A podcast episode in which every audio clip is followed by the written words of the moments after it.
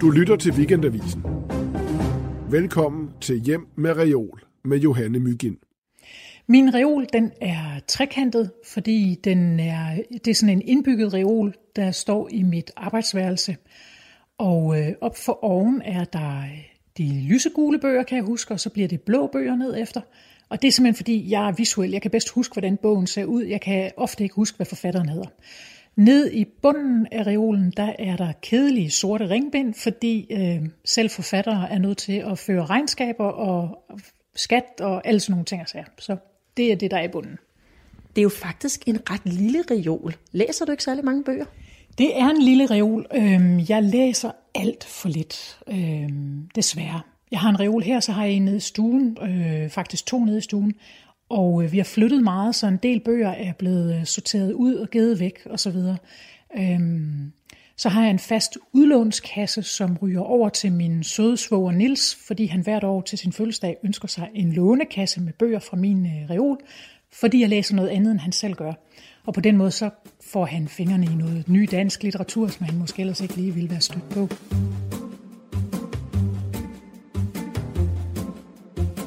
Velkommen til øh, Hjem med Reol.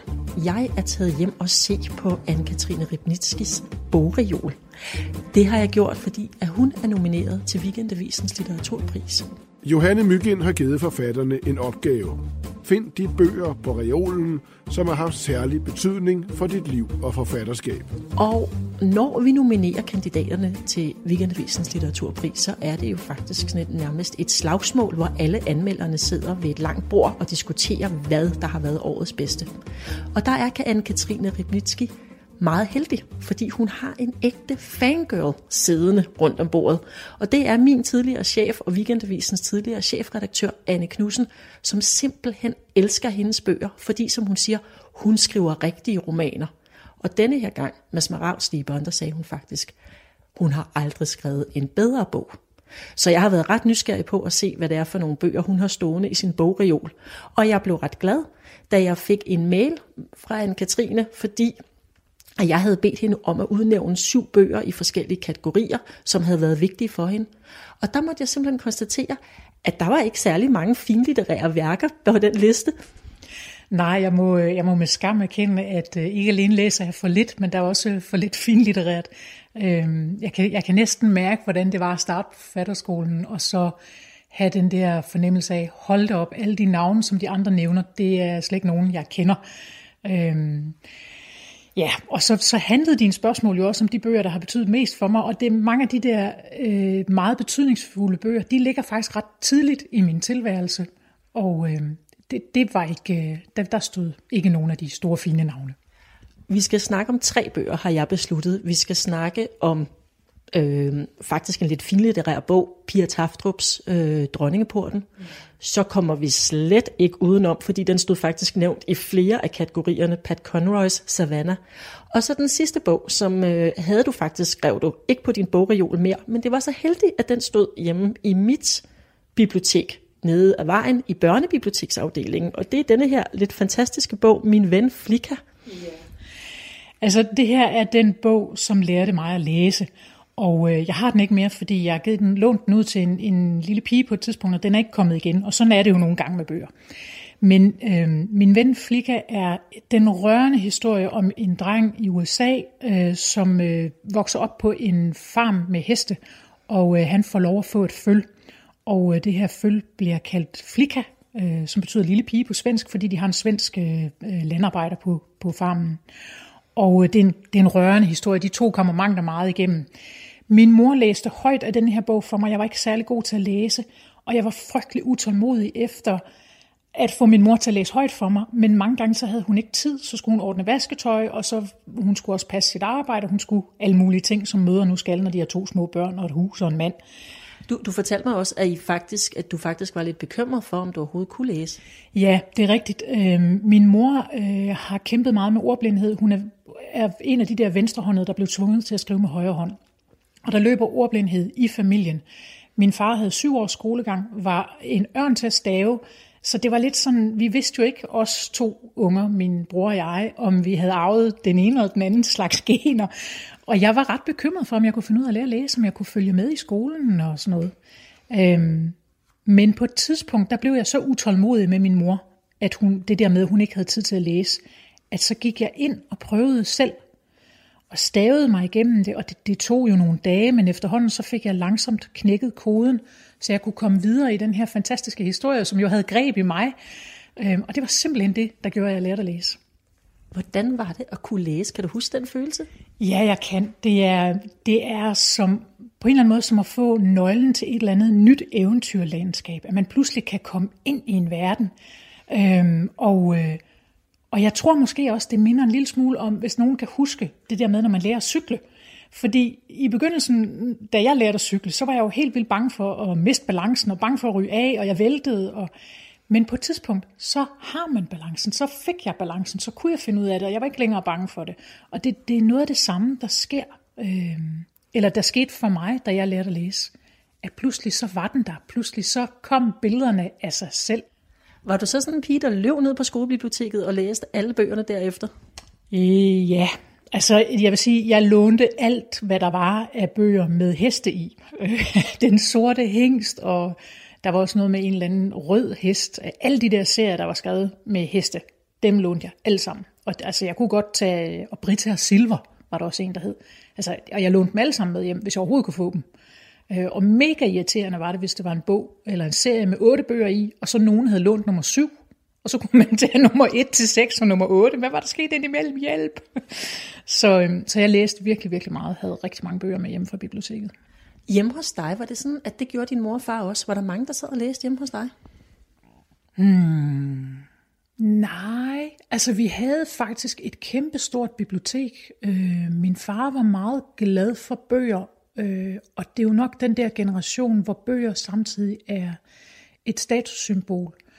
Øh, og han, altså han læste da en del, men det var jo især sådan noget øh, leksika og samlinger om danske herregård og slotte og sådan nogle underlige ting. Ikke? Men, men øh, altså jeg vil tro, at mine forældre de har haft et sted mellem 800.000 bøger.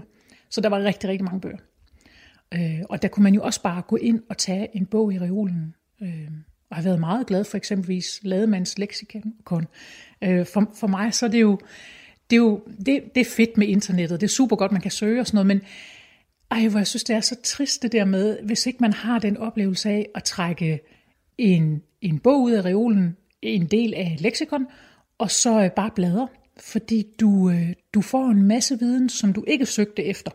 Og det, øh, det, det er ganske fantastisk. Altså hvad jeg ikke har samlet op af mærkelige ting som barn, fordi jeg sad der og bladrede i leksikonet, og, og ja, så fandt man en artikel om perlefiskeri i Japan, og så fandt man en artikel om make-up, og så fandt man en artikel om søheste, og så altså alt muligt, ikke, som man bare sugede til sig.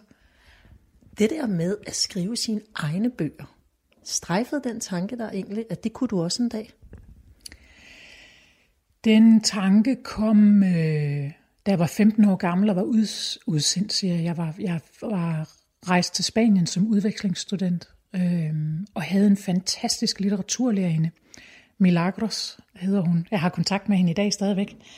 Og øh, Milagros betyder jo øvrigt mirakler, og det var hun virkelig. Altså hun evnede at holde 40 elever fanget i sådan en spansk stejhed øh, skoleklasse. Og hun fortalte om spanske forfattere, og om litteratur, og vi fik tekstprøver. Og der, øh, der var et eller andet, der, der begyndte at dæmre der. Øh, på det tidspunkt skrev jeg artikler hjem for Jyllandsposten. Øh, det var sådan noget, man, man skrev i hånden, og så blev det postet, og Kurt Vestergaard tegnede til i øvrigt. Øh, så det var sådan en, en lidt mærkelig indgang til det, men, men der som 15-årig vidste jeg, at jeg gerne ville være forfatter. Øh, også selvom det, jeg jo egentlig skrev, var journalistik på det tidspunkt. Øh. Hvad sagde dine forældre til det? De sagde, det kan man ikke leve af. Øh, min far sagde, kan du ikke få et job i en bank i stedet for det, der er meget mere sikkerhed i? Og min mor sagde, kunne du ikke tage at blive journalist, fordi det kan man trods alt leve af. Så har du også noget, du kan falde tilbage på. Og jeg blev aldrig journalist. Og så tænker jeg, at det var vel også på det tidspunkt, hvor vi møder, hvor du mødte den første bog i øh, bogreolen, ikke? Jamen, øh, den bog, som er meget vigtig for mig, det er Pat Conroys Savannah. og øh, jeg har den i en paperback-udgave. Jeg øh, købte den kort efter min studentereksamen, hvor jeg var meget, meget slidt og bare trængt til at stikke af hjemmefra. Øh, det havde været en på flere måder hård periode. Min mor havde øh, endnu et af sine utallige selvmordsforsøg, mens jeg gik i 2G. Øh, hun overlevede. Vi har et godt forhold i dag, min mor og jeg. Men øh, denne her savanne, som mange mennesker måske mest kender fra filmatiseringen med Barbara Streisand og Nick Nolte er det, ja. Men, øh, men den købte jeg øh, som paperback i lufthavnen og tilbragte den ude i Tunesien for ligesom at komme oven på, på øh, gymnasietiden og finde ud af, hvad gør jeg nu, for jeg vil jo gerne skrive bøger, og hvordan kommer jeg lige afsted med det. Og øh, jeg slugte den og tudede, og jeg kan huske, at jeg skrev hen ved, jeg skrev nok 100 siders noter på den uge der. Øhm, fordi den, hvad, hvad handler den bog om? Hvad er det, hvad, hvorfor er den så vild? Hmm, den handler om en familie i sydstaterne i USA. Og den handler om øh, opvæksten hos, altså der er to drenge og en pige, og øh, en, en voldelig far og en mor, der prøver på at få det hele til at hænge sammen. Så det her var jo i høj grad genkendeligt for mig. Så her var der et menneske, øh, en forfatter, der hed Pat Conroy, og da det er en paperback, så vidste jeg jo ikke, om Pat var en mand eller en dame, for det kan være begge dele med det navn. Så jeg anede jo ikke, hvem det menneske var, men her var der en forfatter, som forstod mig bedre, end noget menneske havde gjort hidtil. Og jeg tudede så meget over den roman, fordi det var jo min historie. Hvad var det, der var din historie?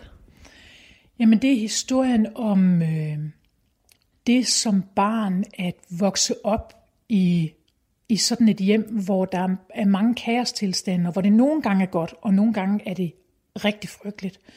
Øh, der er så mange fine beskrivelser i denne her roman. Jeg kunne også genkende det der med et smukt landskab, at landskabet næsten kan blive der ens åndehul, hvor man tænker, jeg klarer den, jeg skal nok på et tidspunkt komme ud øh, på den anden side. Så, og det er jo også en, en helingshistorie, øh, også lidt en undergangshistorie, fordi der sker jo alt muligt med den her familie. Og, og noget af det virkelig fede ved den, og noget af det, som jeg elsker ved rigtig meget amerikansk litteratur, det er, at den udfolder simpelthen så mange crazy sidehistorier. Der er for eksempel en biperson i den her bog, som øh, helst vil øh, være midtpunkt i landsbyen på den måde, at han vil gerne regulere trafikken. Så han er simpelthen en slags trafiklys. Øh, og når han ikke lige er der og står og giver trafiklys, så bryder det hele sammen. Og det er jo, det er jo en crazy historie. Altså, ja, og det elsker jeg, at de tør folde de der sidehistorier ud. Så søgte du jo faktisk ind på forfatterskolen, og det her, det er jo, hvad vi kan kalde en bred roman. Ja. Hvad sagde alle dine lærer og medstuderende til din smag i store, brede sydstadsfortællinger der? Jamen, det fortalte jeg dem da sandelig ikke noget om. altså, det gik jo ret hurtigt op for mig, at øh, det var noget andet litteratur, der var populært, og der ligesom var fint, end det, jeg havde læst. Og jeg, jeg hørte jo navnene Borges og alle mulige andre, og tænkte, Åh, det har jeg ikke læst, og det har jeg heller ikke læst, og det har jeg heller ikke læst. Øhm, og jeg nåede faktisk ikke rigtig at få indhentet så meget af det. Jeg, ja, jeg tror, det var... Øh, jeg, jeg tav med mine interesser, fordi jeg kunne ligesom høre, at det der med John Irving og Pat Conroy og sådan noget, det var ikke det, var ikke det man gik efter der. Det var ikke det fine. Øhm, men det var nu engang min smag. Men det sagde du ikke til nogen? Nej, det gjorde jeg ikke. Øh, jeg, jeg lyttede jo bare og var kommet ind på den her fine skole og tænkte, øh, for det første troede jeg jo, det var en fejl, jeg var kommet ind, fordi, fordi jeg synes, de andre var så meget dygtigere. Øh, og for det andet, så, så hvis man ligesom er i sådan et miljø, hvor man kan høre en hel masse navne, og der ikke er nogen, der nævner ens favoritbøger, så, øh, ja, så valgte jeg bare at tige stille, fordi jeg tænkte, så må jeg jo lære. Og det gjorde du også, fordi en af kategorierne, som du faktisk havde et bud på, som ikke var Savannah, det var øh, den kategori, der hed en bog, der fik mig til, der ændrede min måde at skrive på. Ja. Og det var Pia Taftrups. Ja. Det er Dronningeporten, som står her sammen med de andre blå bøger. øhm. Men det er jo det stik modsatte. Ja, det kan man sige, men, men ikke desto mindre, øhm, så, så øh, vil jeg sige, at jeg har det bedst med litteratur, som er forståeligt. Øhm, og, og det må gerne udfordre mig. Noget af det, der er så, så fint ved, øh, ved for eksempel det her digt, Min mors hånd, det er, at, at det, det blander noget fantasifuldt og noget, øhm, eksotisk på en eller anden måde, og samtidig så er det umiddelbart forståeligt, hvad det er, der foregår. Og så er det, det er sindssygt smukt. Skal jeg prøve at læse det? Mm. Ja. Det er altid lidt udfordrende at skulle læse en anden forfatters, men vi prøver. Digtet hedder Min mors hånd. Bader mig i en dråbe stille lys, og husker, hvordan jeg blev til. En blyant stukket i hånden, min mors kølige hånd og min, der var varm. Og så skrev vi, ind og ud mellem koralrev, et undersøisk alfabet af buer og spidser, af sneglespiral, af sødt stjernetakker, af fægtende blækspruttearme, af grottevælvinger og klippeformationer. Og sådan fortsætter der nedad. Og så slutter det meget, meget smukt. Øhm, det slutter sådan her, da jeg så, at hendes hånd havde sluppet min, at jeg for længst havde skrevet mig ud af hendes greb. Så det her, det er jo det er historien om, hvordan hun lærer at skrive, hvordan hun sidder og øver bogstaver. Men jeg kan jo så meget genkende det der med, at bogstavernes façon er vildt eksotiske, og nej, der er en søstjerne, og der er, det, det giver så fin mening. Det er, det er meget smukt. Men det er også et digt om en pige, der bliver støttet af sin mor i at skrive. Ja, det er det. Øhm, men altså, jeg vil sige, min, min egen mor støttede mig meget i det med, at jeg, at jeg også maler og tegner. Øh, men jeg tror nok, at hun altid så det sådan, at det var en god hobby at have ved siden af, så jeg ligesom kunne få afløb for mine følelser. Men jeg var jo nok nødt til at foretage mig noget mere fornuftbetonet, så man kunne tjene penge på, og hvor der var en pensionsopsparing og sådan noget. Sådan gik det ikke. Men da du gik ud af forfatterskolen, der havde du faktisk lidt opgivet det der med at skrive, ikke? Jo, jeg tænkte, at øh, jeg tænkte, der ville gå rigtig lang tid, inden jeg, inden jeg kom til at skrive. Øh, og det gjorde der jo også. Altså, jeg gik direkte i forsvaret efter, efter forfatterskolen. Øh, jeg vil sige, jeg lærte rigtig meget på forfatterskolen. Jeg lærte meget om sprog, og jeg lærte meget om at læse mine egne tekster. Men jeg var også voldsomt øh, forvirret og i tvivl om, hvad det egentlig var for noget, jeg skulle. Der var jo elever, som i løbet af de to år nærmest fik produceret et værk, hvor jeg fægtede i alle mulige retninger og, og, og eksperimenterede i alle mulige retninger. Kort prosa, jeg prøvede at skrive digte, det kunne jeg tydeligvis ikke finde ud af. Og skrev og skrev i øst og vest, øh, og ofte med meget hård kritik til følge. Øh, Øh, og det var egentlig først med sådan en, en samtale i afslutningen af uddannelsen med Nils Niels Frank og Christina Hesselholdt, at, at Nils Niels Frank siger til mig, jeg tror, du skal ud i noget meget større, noget fabulerende, måske en roman. Altså, hvor vidste han det fra? Ikke? Øhm, og det, jo, det var jo rigtigt. Altså, jeg skulle ud i en, i en bredere fortælling.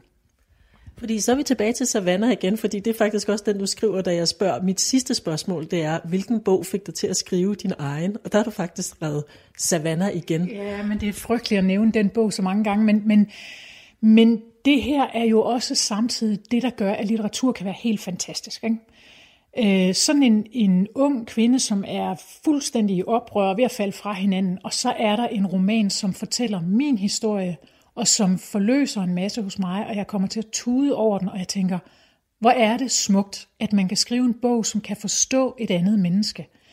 Øh, og det er jo det, litteraturen kan, når den er allerbedst. At den kan forstå os bedre, end andre mennesker gør. At den kan vise os, at vi ikke er alene, og den kan give håb. Øhm, og, og det var sådan min ydmyge tanke, at hvis det en dag kan lykkes mig at skrive en bog, som kan hjælpe nogle andre mennesker, så vil jeg føle, at mit liv virkelig har givet mening. Og det har du gjort med Smaragdsliberen, synes du?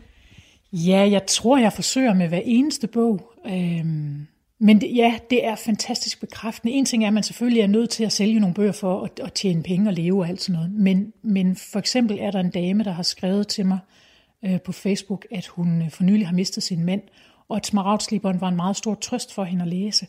Og det, det, er, det gør mig simpelthen så glad, det der med, at det, man har lavet, faktisk hjælper andre, nytter noget. Anne-Katrine Ribnitski, tak for, at jeg måtte se din bogreol, og tillykke med, at du er blevet nomineret. Tak for i dag. Tak fordi du kom. Du har lyttet til Hjem med Reol. Læs mere om de 10 nominerede til Weekendavisens litteraturpris 2018 på weekendavisen.dk-litteraturpris. Her kan man også afgive sin stemme frem til den 15. januar. Man skal være abonnent på Weekendavisen for at stemme. Man kan også deltage ved at indsende stemmesedlen fra den trygte avis, eller ved at sende en mail, inklusive abonnementsnummer, til mail litteraturpris weekendavisen.dk. Vinderen offentliggøres fredag den 1. februar. Optagelse og tilrettelæggelse Johanne Mygind. Redigering og klip Ninette Birk og Silke Fensmann. Musik Peter Christian Sejersbøl.